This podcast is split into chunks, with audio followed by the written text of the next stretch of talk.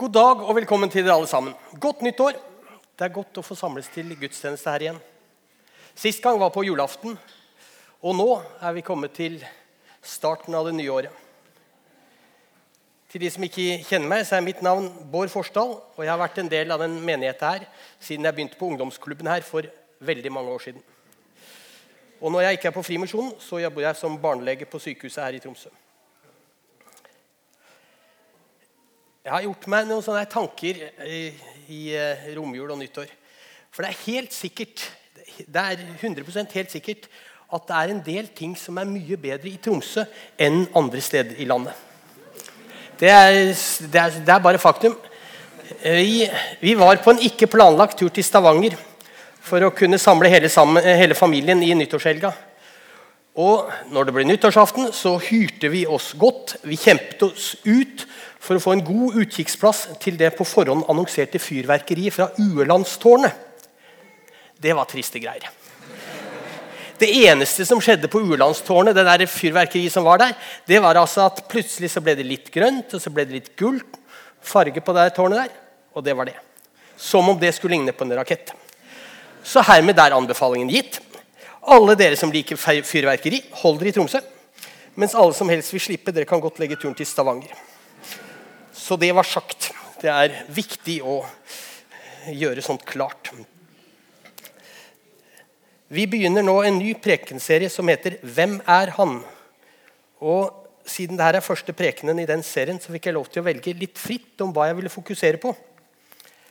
Og man, man velger jo ofte noe som, som, eh, som en sjøl tenker på. Da, eller det gjør jeg. Det jeg er opptatt av, det er gjerne det jeg kan si noe om. Og det jeg vil si noe om, er hvem Gud er. Fordi Bibelen forteller oss en hel del om hva Gud tenker om oss mennesker, hva han gjør, og hva han ønsker med oss. Og det her begynte, altså den, de der tankene her de begynte egentlig for noen uker siden. Jeg lov, ble invitert med på noe som heter KRIMS. Det er, eh, jeg tror forkortelsen står for Kristen medisinerstudentforening. Men foreningen er da åpen for alle studenter innen helse på universitetet. Og når man blir bedt med på noe sånt, så må man jo prøve å si noe. da. Jeg, jeg forberedte meg litt på hva jeg skulle si. Og jeg kom fram til noe som kanskje har påvirka meg da, i større grad enn de som var der den kvelden. Det har i hvert fall festa seg hos meg. Og det, det omkvedet som har gått i huet på meg, er det du tenker om Gud, vil være det filteret som vil påvirke alle dine valg og avgjørelser i resten av livet ditt. Det jeg tenker om Gud, er det filteret som påvirker alle mine valg og avgjørelser for resten av livet. Når vi ser gjennom et filter, så vil det være med på å påvirke det vi ser, og hvordan vi ser. Og når vi gir fra oss noe gjennom et filter, så vil det påvirke hvordan det vi leverer fra oss, blir seende ut. Og Når Gud er det filteret, da blir det jo veldig viktig hva vi tenker om Gud. Har vi tillit til at Gud er god og vil meg godt? At han vet bedre? At han kan veilede, gi råd? At det er han som har gitt meg livet, og jeg har alt bare til låns?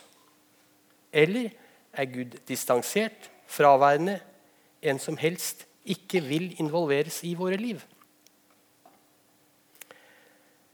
Teolog og tidligere biskop N.T. Wright har sagt det slik. Historien som Bibelen forteller fra begynnelse til slutt, er ikke hvordan min sjel skal komme til himmelen. Hele historien er hvordan Gud kom ned for å være sammen med sitt folk. Det var det Gud ville fra begynnelsen. Det var det Gud har gjort gjennom Jesus. Det er det Gud fortsetter å gjøre gjennom Ånden. Den store planen er for at himmel og jord skal komme sammen. Og det som N.T. Wright sa, det var egentlig akkurat det samme. For de av dere som har vært på adventsgudstjenestene her, det er egentlig akkurat det samme som har stått mellom trappetrinnene på vei opp til kirkesalen her på Frimosjonen. Himmel på jord, en nåde så stor. Vi er ikke aleine her vi bor.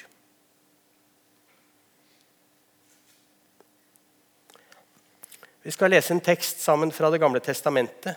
Og dette var en tekst som var ja, rent ut sagt helt uforståelig for meg inntil den ble forklart.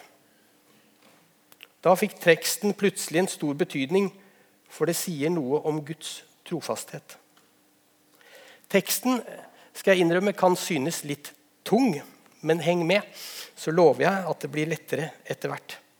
Dette her står helt i begynnelsen av eh, Bibelen, i første Mosebok, kapittel 15, versene 7-21.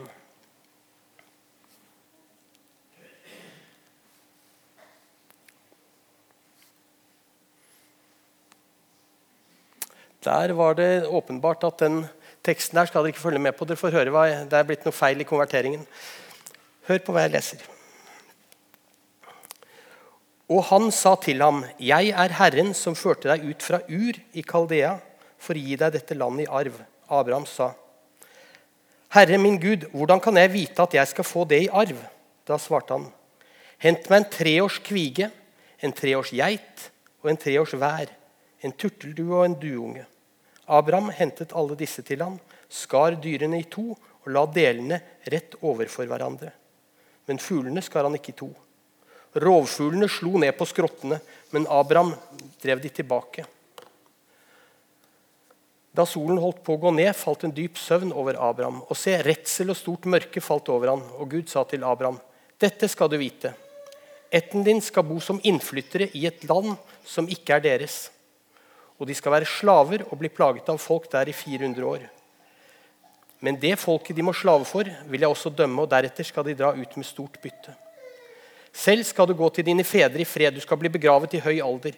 I det fjerde slektsledd skal de vende tilbake, for amorittenes syndeskyld har enda ikke fylt sitt mål. Solen gikk ned, og det ble mørkt. Og se, en rykende ovn kom til syne, og en flammende fakkel for mellom kjøttstykkene. Den dagen sluttet Herren en pakt med Abraham.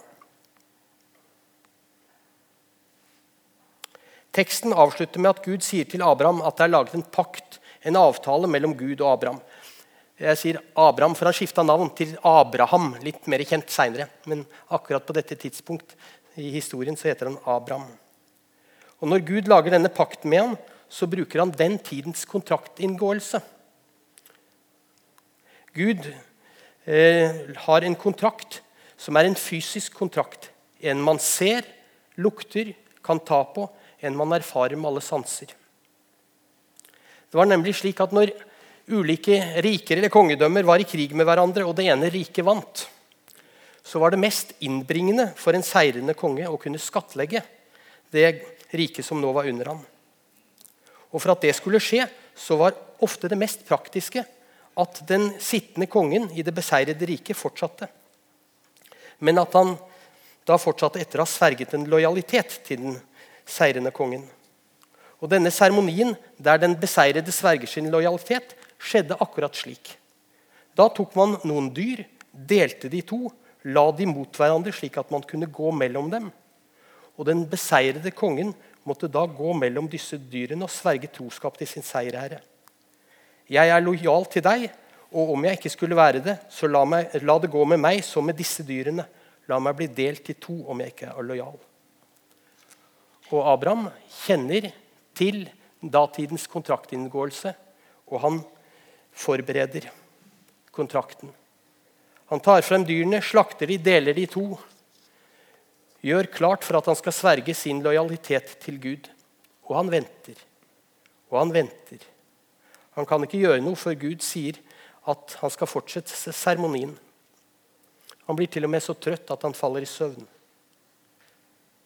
Men Gud gir aldri beskjed til Abraham at han skal gå mellom skrottene. Det som skjer, er at Gud selv går mellom skrottene. Verdens skaper lover troskap til det skapte. Gud lover at han ikke vil slippe Abraham. Det jeg har lovet, skal skje, sier Gud. Uansett hvor troløs du er, Abraham, så skal jeg være trofast. Uansett hvor lite du vil respektere den pakt jeg gjør med deg, så vil jeg fortsette å holde den. Gud går gjennom de døde skrottene og lover troskap. Det er denne troskapen vi ser når Jesus dør på korset og tar på seg all synd som menneskene har gjort, og gjør og så åpnet veien inn til Gud.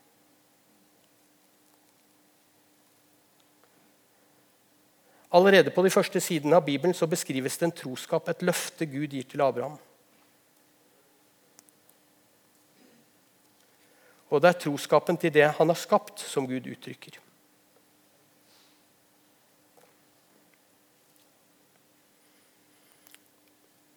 Språk er spennende, og utfordringen til en som skal oversette hva som helst til et annet språk, er hvordan man uttrykker seg på ett språk, er forskjellig fra hvordan man sier det på et annet språk. Ordene vi bruker, er ulike, og språkene har ikke nødvendigvis helt eksakte ord som gir den samme meningen fra det ene til det andre språket. En av Guds karakteristika som gjengis i Bibelen, er at han er rettferdig. Det gjentas gang på gang gjennom hele Bibelen. Det greske ordet som vi oversetter med, eh, unnskyld, det greske ordet som vi oversetter med rettferdighet til norsk, betyr på gresk stort sett det samme, nemlig rettferdighet. Mens det hebraiske ordet rettferdighet, som ble brukt i Det gamle testamentet, har en større betydning. Det betyr også troverdig, trofast, lojalitet og pålitelighet. Vi har ikke ett ord som dekker alle disse fasettene av ordet rettferdighet på norsk, slik Paulus brukte det.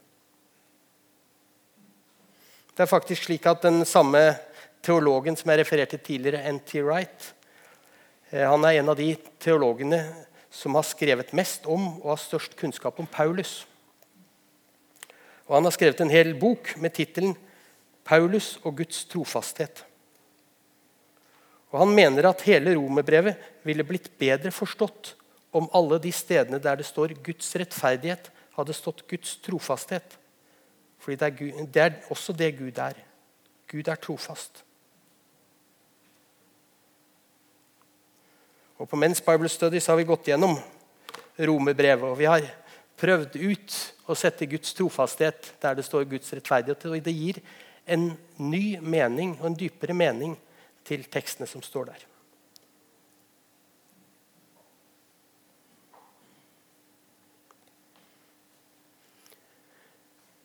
Bibelen er en ytterst praktisk bok. Og Når Bibelen skal beskrive Gud for oss, så bruker Bibelen språket fra en familie. Når Bibelen beskriver Gud, så sier den 'far'. Når disiplene ber Jesus om å lære dem å be, så begynner han nettopp med 'vår far'. Og Når Jesus skal beskrive seg selv, så kaller han seg selv bl.a. for Sønnen. Og De gangene Guds stemme høres fysisk i Det nye testamentet, så kalles også Jesus for Sønnen. Og Når Jesus snakker om oss som tror på han, så kaller han oss for søsken og mine barn. Dette er de nære relasjonene i en familie. Og Disse nære relasjonene preger også den Gud vi tilber. I innledningen av Johannesevangeliet så begynner det slik. I begynnelsen var Ordet. Ordet var hos Gud, og Ordet var Gud. Han var i begynnelsen hos Gud.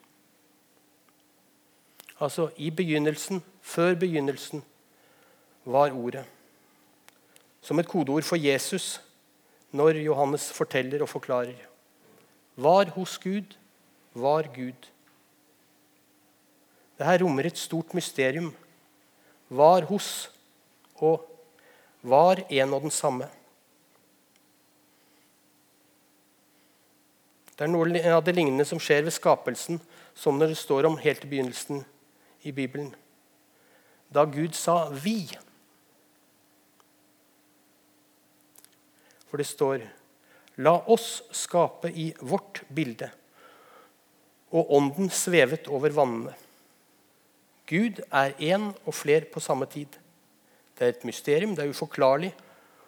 Og Likevel så kom kirka etter hvert opp med et ord.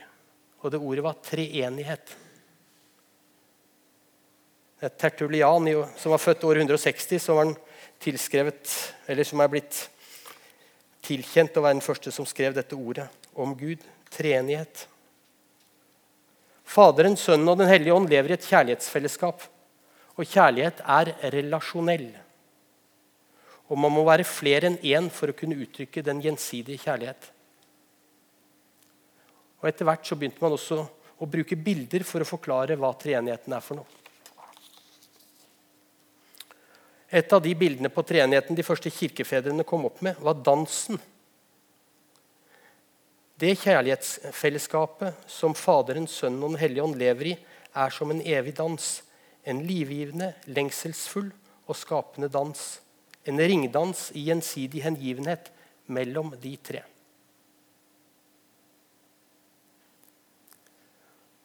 Og så er det sånn at vi er invitert inn i det fellesskapet. Skal jeg se om virker. I Johannes evangelium kapittel 17 vers 21 står det må de alle være ett, slik du, far, er i meg og jeg i deg. Slik skal også de være i oss, for at verden skal tro at du har sendt meg. Slik skal også de være i oss. Vi er invitert inn i et fellesskap med treenigheten med en trofast Gud. Og jeg ser for meg at vi da er invitert inn i den dansen sammen med Jesus. Vi er tilbudt, vi er tilbudt et fellesskap med Gud, og vi får være en del av Guds plan.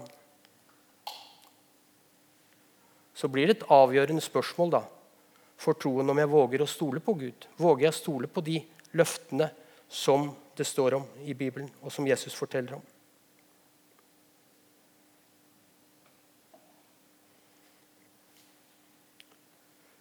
Den store planen er for at himmel og jord skal komme sammen.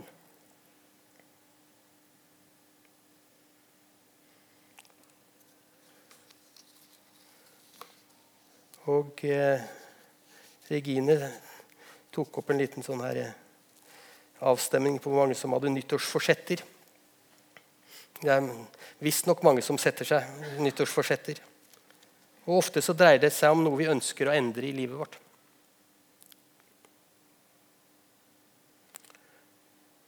Våger vi å stole på at Gud er trofast?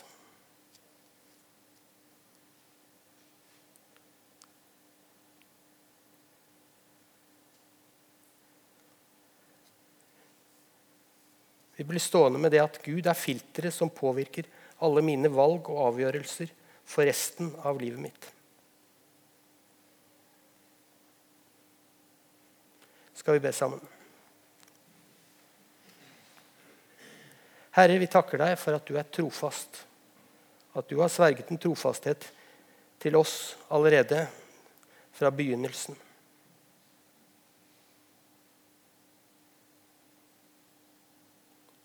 Så ber vi om at vi får ta imot deg som Herre i vårt liv. Amen.